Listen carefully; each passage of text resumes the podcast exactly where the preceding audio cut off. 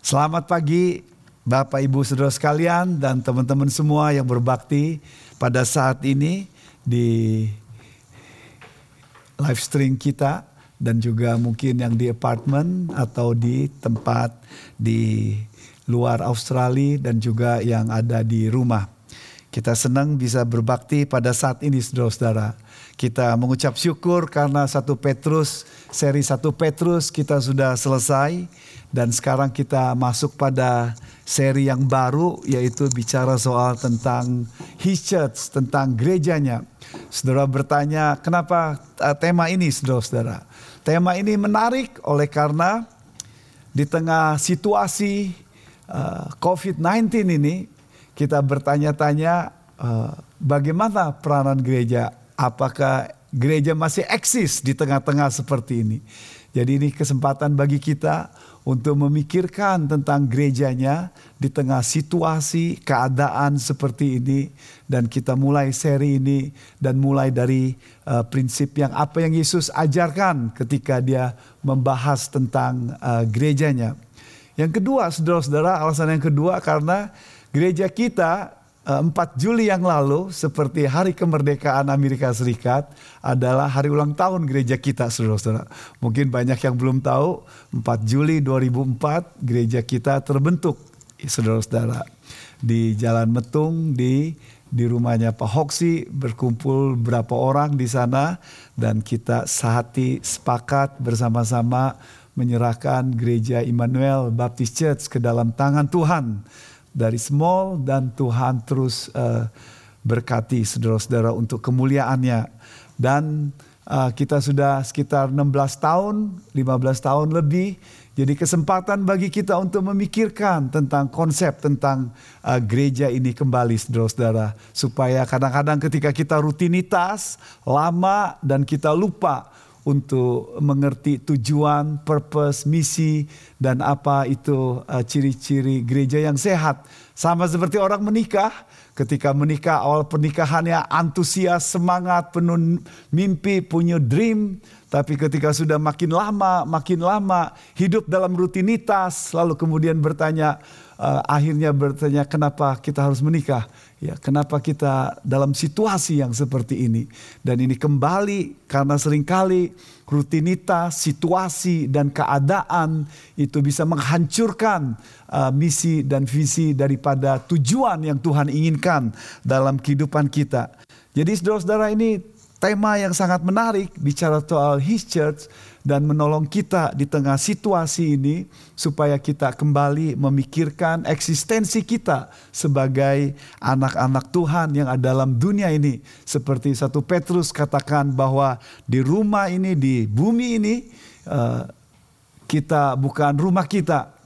Kita menumpang sementara dan nanti suatu saat kita akan bersama di rumah sang Bapak saudara-saudara. Dan di tempat situasi inilah His church, gerejanya dia dirikan dan di tempat ini dia ingin supaya kita menjadi berkatnya saudara-saudara. Jadi ini sangat menarik sekali His church dan judul hari ini adalah His prevailing church. Gereja yang tidak pernah kalah. Gereja yang menang, gereja yang dominan, gereja yang unggul yang Tuhan bangun saudara-saudara. Matius 16 ayat 18 sampai 19 saya akan baca Matius 16 ayat 13 sampai 19 supaya saudara tahu uh, ceritanya. Saya baca dalam bahasa Indonesia di PowerPoint saudara lihat uh, dalam bahasa Inggris dari terjemahan uh, New English Translation. Yeah. Matius 16 saya baca mulai dari ayat 13 saudara-saudara sampai 19. Setelah Yesus tiba di daerah Kaisaria Filipi, ia bertanya kepada murid-muridnya, kata orang, siapakah anak manusia itu? Jawab mereka, ada yang mengatakan Yohanes Pembaptis, ada juga yang mengatakan Elia, dan ada pula yang mengatakan Yeremia atau salah seorang dari para nabi. Ayat 15 sampai 17. Lalu Yesus bertanya kepada mereka, "Tetapi apa katamu? siapakah aku ini? Maka jawab Simon Petrus, engkau adalah Mesias, anak Allah yang hidup. Kata Yesus kepadanya, Berbahagialah engkau Simon bin Yunus, sebab bukan manusia yang menyatakan itu kepadamu, melainkan Bapakku yang di sorga. 18. Dan aku pun berkata kepadamu, engkau adalah Petrus, dan di atas batu karang ini aku akan mendirikan jemaatku, dan alam maut tidak akan menguasainya. Ayat 19. Kepadamu akan kuberikan kunci kerajaan surga. Apa yang kau ikat di dunia ini akan terikat di sorga. Dan apa yang kau lepaskan di dunia ini akan terlepas di sorga. Ayat 20 nggak ada di situ saudara-saudara. Lalu Yesus melarang murid-muridnya supaya jangan memberitahukan kepada siapa pun bahwa ia Mesias. Saudara-saudara, ini pertama kali ketika Yesus membahas tentang gereja.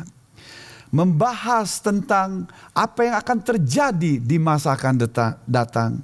Hanya dengan beberapa orang para muridnya yang ada 12 saudara. Masih kecil.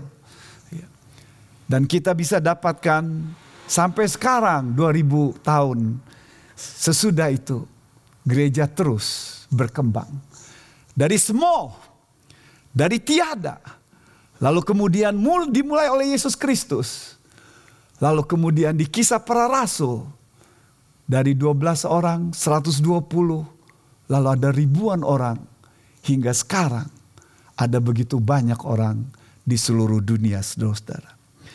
Coba kita bahas ini saudara-saudara ketika bahas tentang gerejanya karena kita ini merupakan dasar yang harus kita pelajari supaya kita mengetahui tentang hakikat uh, gereja itu saudara-saudara. Saya bagi uh, khotbah saya ini saudara-saudara dengan beberapa supaya saudara bisa mengerti bagaimana pembahasan ini. Yang pertama kita akan bahas the builder of the church. Kita bahas tentang siapa yang membangunnya. Lalu kemudian yang kedua bicara soal foundation. Lalu yang ketiga bicara soal tentang the power.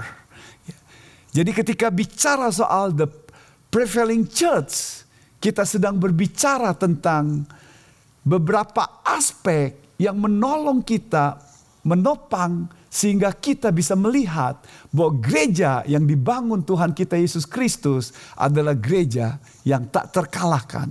Gereja yang didesain dari awal saudara-saudara. Yang begitu indah sekali dan begitu kuat dan tidak bisa dirobohkan.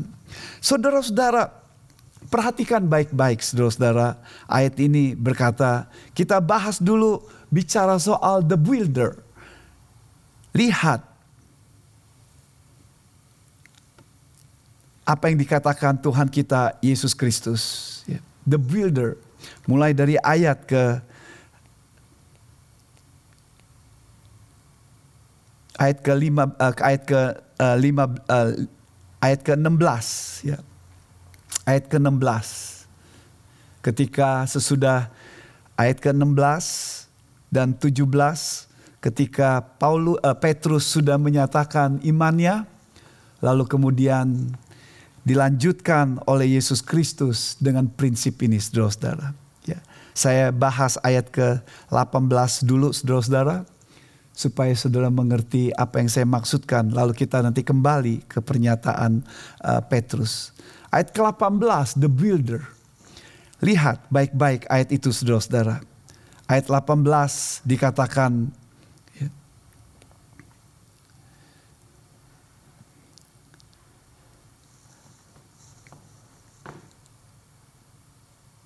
ayat 18. Ya. I will build my church. Ya. Saudara perhatikan di situ. Ya. I tell you that you are Peter and on this rock I will build my church. Saudara perhatikan ayat 18 ini saudara-saudara. Tuhan yang membangun gerejanya. Yesus yang membangun gerejanya I will build my church. Ya. Saudara-saudara, dalam ayat ini dikatakan bahwa istilah gereja, my church, di situ pertama kali diungkapkan oleh Tuhan kita Yesus Kristus. Karena Yesus pada umumnya ketika berbicara pakai bahasa Aramik, dia tidak pakai istilah kahal, yaitu tempat untuk kebaktian berkumpul. Tapi dia pakai istilah yang baru, yaitu bicara soal tentang gereja, saudara-saudara. Tentang orang-orang yang bersekutu. Tidak fokus kepada gedung. Jadi dalam nats ini saudara-saudara ketika Yesus berkata I will build my church. Dia tidak sedang apa yang dipikirkan oleh para murid-muridnya. Yaitu dipikir akan bangun sinagog-sinagog. Dipikirkan bangun tempat-tempat. Dan mungkin apa yang kita pikirkan hari ini saudara-saudara yang kita pikirkan mungkin banyak orang punya kesalahan yaitu ketika memikirkan gereja yaitu soal gedung, soal gedung tempat yang ada. Tapi nats kita berkata, Yesus berkata, I will build my church. Dengan kata lain, Yesus sedang berbicara tentang orang-orang, tentang orang-orang yang akan ditebus, orang-orang yang percaya kepadanya, orang-orang di mana Yesus yang nanti yang akan mati dan bangkit kembali, dan orang-orang yang mempercayakan dirinya kepadanya, dan inilah yang dimaksudkan oleh Yesus Kristus, dan ini yang dikembangkan, saudara-saudara. I will build my church. Orang-orang yang akan datang kepadanya. Dan ayat ini berkata, Yesus pakai istilah build, membangun. Dalam Alkitab, istilah membangun itu bisa berupa seperti gambarannya seperti gedung dan bisa seperti pohon. Itu yang dipakai dalam Alkitab. Bisa seperti gedung dan bisa dipakai pohon. Itu gambaran yang kita bisa lihat ketika Yesus berkata, "Aku pokok anggur dan engkaulah carang-carangnya." Ketika Pat Petrus uh, Paulus berkata membangun soal gedung bahwa kita yang akan dibangun seperti bangunan uh, Allah. Petrus menyebutnya seperti kita, bangunan-bangunan yang bertumbuh. Jadi dengan kata lain saudara-saudara, ayat ini tekanan kepada bukan bicara soal yang luar gedung, tapi berbicara tentang orang-orang yang akan dimenangkan. Dan karena konsep ini banyak orang yang berkata, oh kalau gitu kita tidak perlu gedung. Nah itu terlalu kebacut, saudara, terlalu kejauhan bicara soal itu. Ya, tapi ayat ini mau berbicara bahwa gedung itu hanya satu tempat, satu tool untuk kita berbakti, tempat untuk ber, kita bersekutu, tempat untuk kita bersama-sama untuk menyembah Tuhan. Tapi poin yang mau dikatakan di sini, saudara-saudara, bahwa gereja itu menang karena Tuhan Yesuslah yang membangunnya. Tuhan yang membangunnya. Bukan orang. Bukan kemampuan. Bukan dengan kapasitas kita.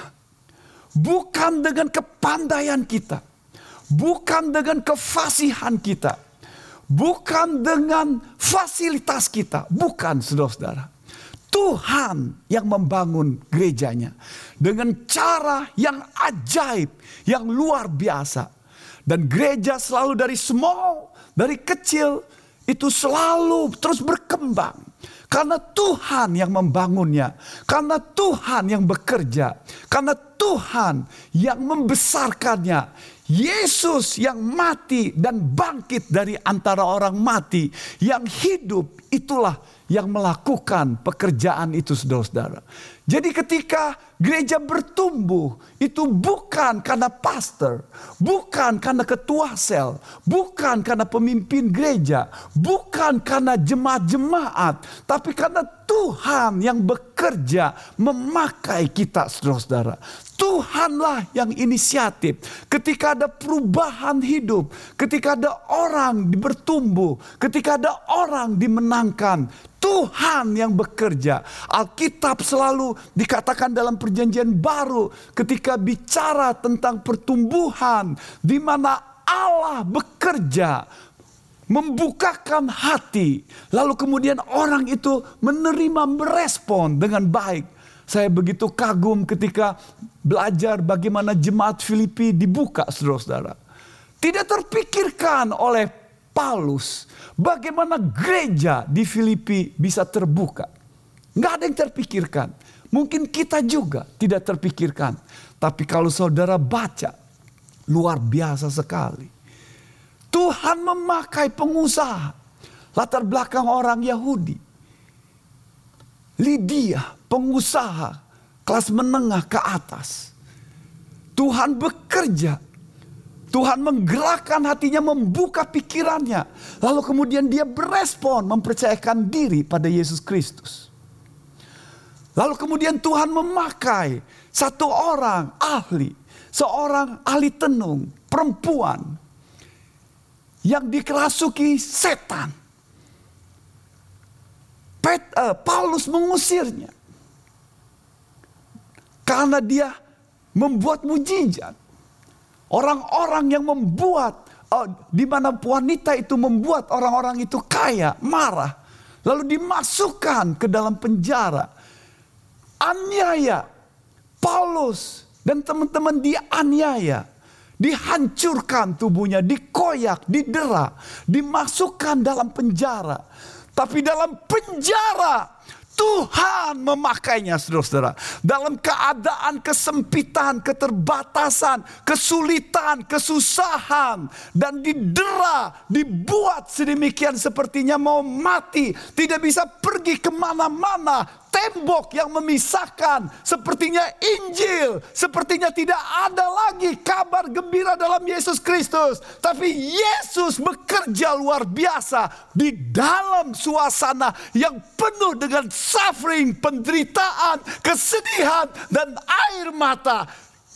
Injil diberitakan kepala penjara bertobat saudara-saudara karena terjadi sesuatu di sana. Lihat saudara-saudara dari orang yang kaya, dari orang yang kerasukan setan, dari penjara, suffering, dan di situ muncul gereja Filipi, saudara-saudara. Wow, lihat, tidak dipikirkan. Karena Yesus yang membangun, yang bekerja luar biasa sekali, indah dia membangun, dia terus bekerja dengan cara yang ajaib. Siapa yang pernah berpikir anak muda yang jahat, yang begitu hebat dengan pengakuannya tentang Allahnya, yang fanatik, yang membunuh semua orang Kristen. Tapi kemudian dia bertobat jadi pemimpin namanya Paulus.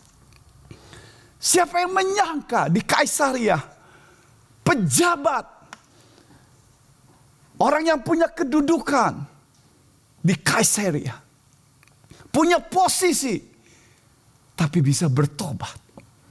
Saudara bisa lihat bagaimana Tuhan bekerja dengan cara yang ajaib. Gereja akan terus dibangun oleh Tuhan. Tidak tergantung oleh saya, tidak tergantung oleh saudara. Tidak tergantung oleh siapa pun juga. Karena ini rencananya yang begitu indah. His preferences. Karena yang membangun pribadi Yesus Kristus yang berkuasa, yang mati untuk kita dan bangkit yang hidup. Saudara-saudara, rencana memenangkan jiwa itu sejak ada di Taman Eden. Dan rencana Tuhan tidak pernah gagal. Rencana Tuhan, Yesaya berkata tidak pernah gagal. Rencana Tuhan tidak pernah gagal. Apa yang dia lakukan, rencananya. Jadi ketika kita sebagai anak-anak Tuhan bermain dalam rencana Tuhan itu indah sekali saudara-saudara. Bermain dalam rencana Tuhan ini dan itu yang membuat kita menjadi indah saudara-saudara. Dan gerejanya kiranya IBC mengerti konsep ini yang begitu indah saudara-saudara. His church, prevailing church.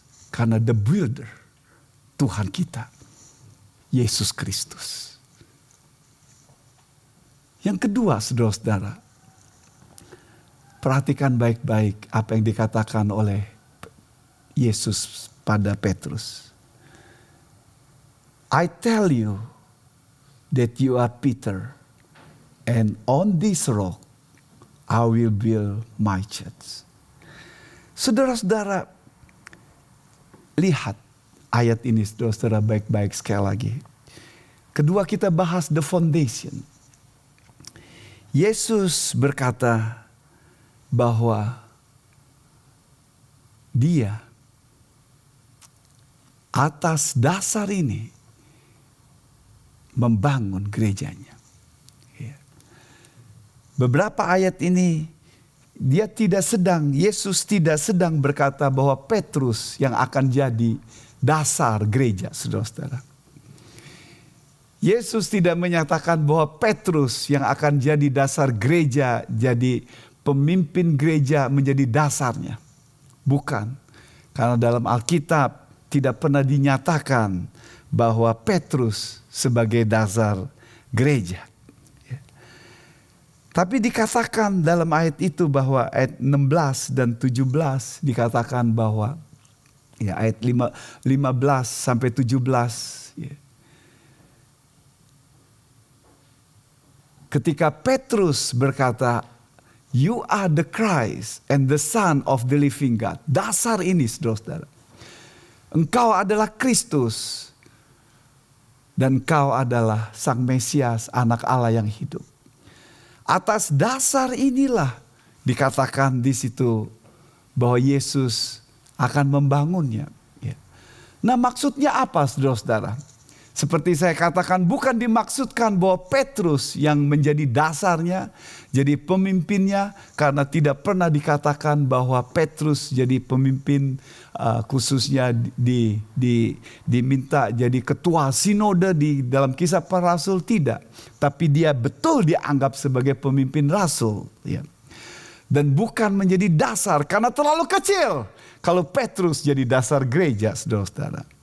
Dan ada yang mengatakan juga bukan dimaksudkan supaya bahwa apa yang dikatakan oleh Petrus ya itu adalah uh, dasar daripada uh, pernyataan Petrus itu dasar daripada uh, fondasi gereja. Nats ini lebih bagus dinyatakan seperti ini saudara-saudara. Ya. Yesus sedang berkata bahwa aku sedang membangun gereja, gerejaku bukan dengan kekuatanmu, bukan dengan talentamu, bukan karena kelayakanmu, tetapi karena engkau affirming. Dengar baik-baik saudara. Karena engkau affirming the foundation, the truth of the church. Namely that I am the Christ, the Son of the living God. Itu saudara. Dasarnya adalah Yesus Kristus. Dan Yesus berkata bahwa karena engkau affirming, karena engkau menyatakan, menegaskan, menegaskan bahwa akulah Sang Mesias. Dan akulah sehakikat Allah. Jadi dengan kata lain dasar itulah ya. Gereja yang affirming itu. Gereja itu fondasinya akan kuat. Ketika gereja meninggalkan pernyataan ini, gereja itu akan mati, saudara. Gereja itu akan mati. Karena akan kehilangan daripada hakikatnya. Kehilangan daripada esensialnya. Kehilangan daripada intinya. Karena inti daripada gereja adalah seperti sama seperti Paulus berkata dalam Efesus 2 ayat 20. The church is built on the foundation of the apostle and the prophets. Jadi dengan kata lain, gereja itu adalah dasarnya karena pernyataan dibangun oleh pengajaran-pengajaran para rasul. Pengajaran daripada kitab, khususnya apa yang diajarkan nabi-nabi. Untuk menunjukkan fokusnya semuanya kepada Yesus Kristus fokus kepada dasar utamanya dan itu menekankan saudara-saudara. Itu yang dimaksudkan. Dan ketika IBC, gereja kita fokus seperti itu. Affirming that Jesus is the Messiah. Yang diurapi, Sang Mesias. Istilah Mesias untuk menunjukkan bahwa dia adalah Kristus yang diterjemahkan dalam bahasa Ibrani dan dalam bahasa Indonesia. Yang diurapi. Berbicara soal nabi yang diurapi, imam yang diurapi, dan khususnya tekanannya kepada raja yang diurapi. Jadi dalam nats ini adalah berbicara Paulus uh, Petrus mengakui Yesus sebagai sang Mesias Kristus, sang juru selamat, sang penebus, sang raja di atas segala raja yang datang ke dalam dunia ini. Dia manusia yang kelihatan, tapi dia tahu itu adalah sang Mesias, sang raja, sang penebus yang nanti nanti akan datang lagi, saudara-saudara. Tapi nats kita bukan hanya berbicara itu, tapi dia berbicara tentang you are the son of the living God. Anak Allah yang hidup bukan berarti Allah beranak, bukan berarti Allah punya anak dalam arti secara fisik. Tapi istilah ini menunjukkan konsep yang mau ditekankan pada waktu itu adalah ketika bicara soal anak Allah, the living God, the son of the living God, itu berbicara Allah yang hakikatnya sama, saudara-saudara bahwa Yesus itu hakikat dengan Tuhan. Dia manusia 100% tapi apa yang dilihat oleh Petrus, dia itu adalah sehakikat dengan Allah, sederajat dengan Allah. Luar biasa sekali saudara-saudara. Dan ketika menyatakan seperti itu, Yesus berkata, bersukacitalah. Karena Bapamu yang menyatakannya. Allah bekerja dalam diri Petrus. Dia bekerja dalam diri Lydia. Membukakan hati. Dan Petrus berespon menanggapinya. Itu saudara-saudara. Dan banyak di antara seperti itu. Sama seperti Petrus yang berespon. Ketika saudara ke gereja, Bukan karena rutinitas. Bukan karena kegiatan. Tapi karena pengakuan bahwa kita tahu bahwa Yesus yang sudah mati dan bangkit dari orang mati itu adalah penebus. Dia adalah juru selamat. Dia yang hakikat dengan Allah yang mati di kayu salib. Lalu kemudian bangkit untuk kita. Menebus kita. Dan kita menyerahkan hidup kita kepadanya. That's itu sekumpulan orang. Itu gereja saudara Kumpulan orang-orang yang seperti itu. Yang bersama-sama. Yesus berkata kita berada dalam dunia tapi tidak sama dengan dunia. Sekumpulan orang yang punya fondasi yang seperti itu. Karena punya fondasi Yesus Kristus yang kuat. Yang begitu indah saudara-saudara. Nah ketika kita punya seperti itu. Gereja hidup saudara-saudara. Fondasi yang seperti ini. Yang harus dihidupkan oleh kita. The builder Tuhan kita Yesus Kristus. Dia akan membangun. Bukan nanti, bukan future yang tidak menentu. Tetapi dia sedang membangun dan akan membangun sampai selesai. Terus menerus. Dan diakhiri. Nats kita berbicara tentang the power. The builder, the foundation, the power. Lihat saudara-saudara ayat itu berkata. Ayat 18-19 sekali lagi. The power. Ayat 18. And the gates of Hades will not overpower it. Dikatakan dalam ayat 18 saudara-saudara. Ayat yang begitu indah sekali saudara-saudara. Ya.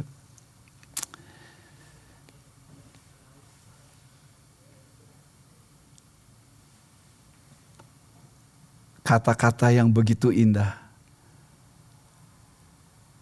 Alam maut tidak akan menguasainya.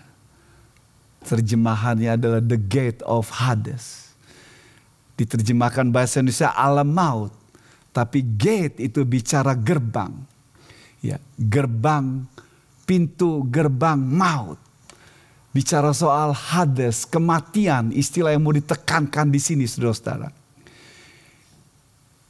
Orang akan tua, lalu kemudian masuk kepada maut. Mati. Kita anak Tuhan yang sudah percaya Yesus Kristus. Kita tua, tapi kita tidak akan mengalami maut. Dengar baik-baik seru beda saudara-saudara. Ya. Kita akan mati, tapi tidak mengalami maut. Karena firman Tuhan berkata, maut sudah dikalahkan oleh Tuhan kita Yesus Kristus. Ketika Yesus mati di kayu salib dan bangkit, kematian sudah dikalahkan, maut sudah dikalahkan. Jadi ayat itu berkata, mau berkata bahwa Tuhan yang memegang, Tuhan yang bekerja, Tuhan yang berkuasa atas kematian, atas pintu neraka, saudara-saudara. Jadi dengan kata lain, inilah pekerjaan Tuhan. Ini yang Tuhan inginkan dalam kehidupan kita. Ini yang Tuhan ingin kembangkan dalam kehidupan kita. Supaya kita boleh dipakainya secara luar biasa. Saudara-saudara, the gate ya. Apa fungsi the gate? Gate fungsinya adalah supaya orang yang masuk di sana itu tidak bisa keluar lagi. Kita tahu gates keluar masuk. Tapi sudah dimasuk, lalu ketika Yesus berkata bahwa pintu gate of Hades itu tidak bisa mengalahkan dan dia sudah dikalahkan, tertutup dan kita anak-anaknya masuk dalam kuasa dan lindungan Tuhan kita, Yesus Kristus. Itu gambaran yang mau ditekankan di sini, saudara-saudara. Jadi ketika berbicara tentang hal ini saudara-saudara. Luar biasa sekali apa yang Tuhan sedang lakukan. Dan Tuhan melakukannya kuasanya yang begitu hebat. Luar biasa sekali. Iblis, roh jahat, ingin mengalahkan, tapi tidak bisa. Wahyu.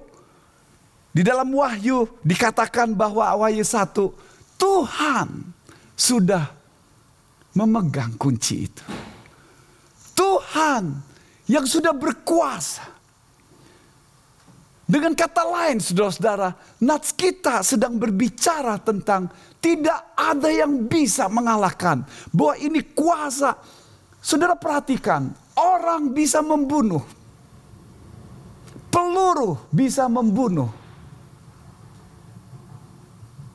Tetapi peluru tidak bisa mengalahkan kematian. Kita tahu belum lama ini Perdana Menteri Australia berkata bahwa keamanan kita ditekankan berapa billion sekitar 70 atau berapa billion yang ditingkatkan yang lebih besar saudara-saudara. Karena untuk pertahanan di Asia Pasifik katanya. Lautan. Semua fokus kepada orang-orang kapal terbang, kapal laut, tentara, semua membangun tujuannya apa? Untuk mati. Tapi siapa yang bisa mengalahkan kematian itu? Nggak ada, saudara. Tidak ada yang bisa mengalahkan kematian. Tapi nats kita berkata, Yesus yang mengalahkan. Hebat gak saudara?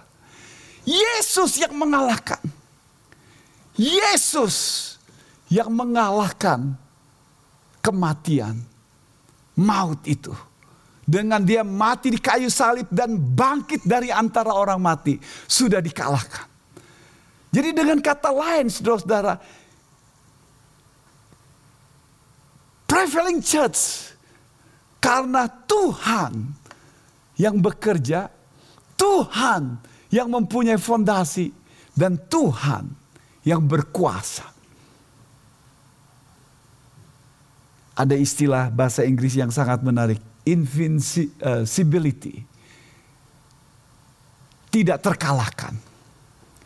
Gereja yang tidak terkalahkan. Itu saudara-saudara. Nah, saudara berkata, what's apa hubungannya dengan gereja? Apa hubungannya dengan gereja dan IBC, saudara-saudara? Lihat ayat terakhir, ayat 19. I will give you the key. I will give you the keys of the kingdom of heaven. Saudara perhatikan ayat 19 di situ. Diberikan kuasa, otoritas. Gereja diberikan otoritas. Dikatakan dalam nats itu dikatakan bahwa Tuhan ingin memakai gerejanya. Saudara pernah bayangkan gak ini saudara-saudara? Dia memberikan tanggung jawab kepada kita. The key of the kingdom of the heaven. Apa yang kamu ikat akan terikat katanya. Kalau apa yang ikat di bumi akan terikat di surga. Nah ayat ini kadang-kadang disalah mengerti. Pusing kayaknya apa artinya saudara-saudara. Artinya simple saudara-saudara. Dalam konteks ini artinya simple. Yesus sedang berkata aku memberikan kepadamu the power. Gatekeeper. Pintu bisa dibuka. Pintu neraka dikalahkan. Lalu pintu surga dibuka. Artinya kalau seseorang itu percaya Yesus Kristus, dia masuk pintu surga. Tapi kalau dia tertutup hatinya, dia tidak masuk pintu surga. Jadi ini simple saudara-saudara. Pernyataan yang simple. Tapi the keys of the kingdom of heaven itu adalah satu otoritas yang Tuhan berikan bagi kita. I will give Perhatikan di situ. I give you. Dengan kata lain bahwa ketika ada otoritas selalu ada tanggung jawab. Dan Tuhan beri kesempatan bagi gerejanya. This is kesempatan yang luar biasa. Kesempatan yang luar biasa yang Tuhan berikan bagi kita di tengah situasi suffering tidak menentu seperti ini. Saudara-saudara, ini yang Tuhan inginkan gerejanya. Dia beri kesempatan itu saudara ketika bilang, wah Stephens, Erlangga, ya, yang siapa yang ada di sini? I give you the keys of the kingdom of heaven. Siapa yang megang kunci itu punya otoritas saudara-saudara. Dan itu kesempatan yang luar biasa diberikan bagi kita. Tahukah saudara-saudara bahwa iblis bekerja. Iblis bekerja mema memakai setiap orang Kristen supaya melupakan tanggung jawab ini. Di tengah krisis seperti ini, sehingga yang dipikirkan, saya tidak berkata bahwa finansial pekerjaan itu salah. Tapi ketika kita hanya memikirkan soal materi, lalu kemudian kita lupa tentang hal-hal yang basic dalam hidup ini. Ketika saudara memikirkan tentang masa akan datang, ketika orang tua memikirkan tentang anaknya supaya bisa sukses, berhasil, tapi mereka lupa untuk memikirkan bagaimana anaknya juga bisa masuk the kingdom of heaven. Dan ketika kesibukan dilupa, melupakan kita untuk beban seperti ini. Dan ketika besar baru kita tahu bahwa anak-anak kita terlalu fokus pada hal yang di luar dan lupa pada the kingdom of heaven, saudara-saudara. Dan ketika kesibukan, kesibukan dan melupakan semuanya apa yang menjadi Tuhan berikan bagi kita. This is kesempatan bagi kita hal yang indah, luar biasa. Biar kita disegarkan. Hidup hanya satu kali. Dan desain Tuhan untuk gerejanya adalah memakai saudara. Memakai, ingin memakai IBC menjadi alatnya di tengah-tengah para mahasiswa yang pulang. Lalu kemudian ada yang masih datang lagi. Dan selama kita eksis, selama kita mengerti rencana Tuhan yang tidak mungkin gagal dan bermain. Dan dia mau memakai siapa pun keberadaan kita. Dia ingin memakainya. Dan ketika kita membuka diri, saya mau. Pakailah saya Tuhan. Dan biar ibisi dipakai Tuhan. Ketika di tempat pekerjaan, di rumah pasangan kita, anak-anak kita, teman-teman kita, bagaimana seperti jemaat Filipi di tengah krisis, di tengah suffering, di tengah penjara, di tengah tekanan yang luar biasa, God Tuhan kita Yesus Kristus memakai gerejanya untuk terus anak-anaknya bertumbuh. Dan kita bisa seperti itu ketika kita berkata, Tuhan jadikan IBC seperti itu. Mau. Dan di tengah situasi yang tidak menentu, di tengah situasi keadaan yang seperti ini kita bisa tenang. Karena the builder of the church Tuhan kita Yesus Kristus yang menguasai situasi, yang menguasai keadaan, yang menguasai masa depan, yang menguasai problem, yang menguasai bahkan kematian, neraka dikalahkan, masakan. Dia tidak mampu untuk campur tangan menolong hidup saudara dalam keadaan situasi keadaan seperti ini. Gate of Hades sudah dikalahkan. Tidak ada masalah dalam kehidupan ini yang Tuhan kita Yesus Kristus, the builder of the church, tidak campur tangan. Mari kita berdoa bersama-sama, saudara.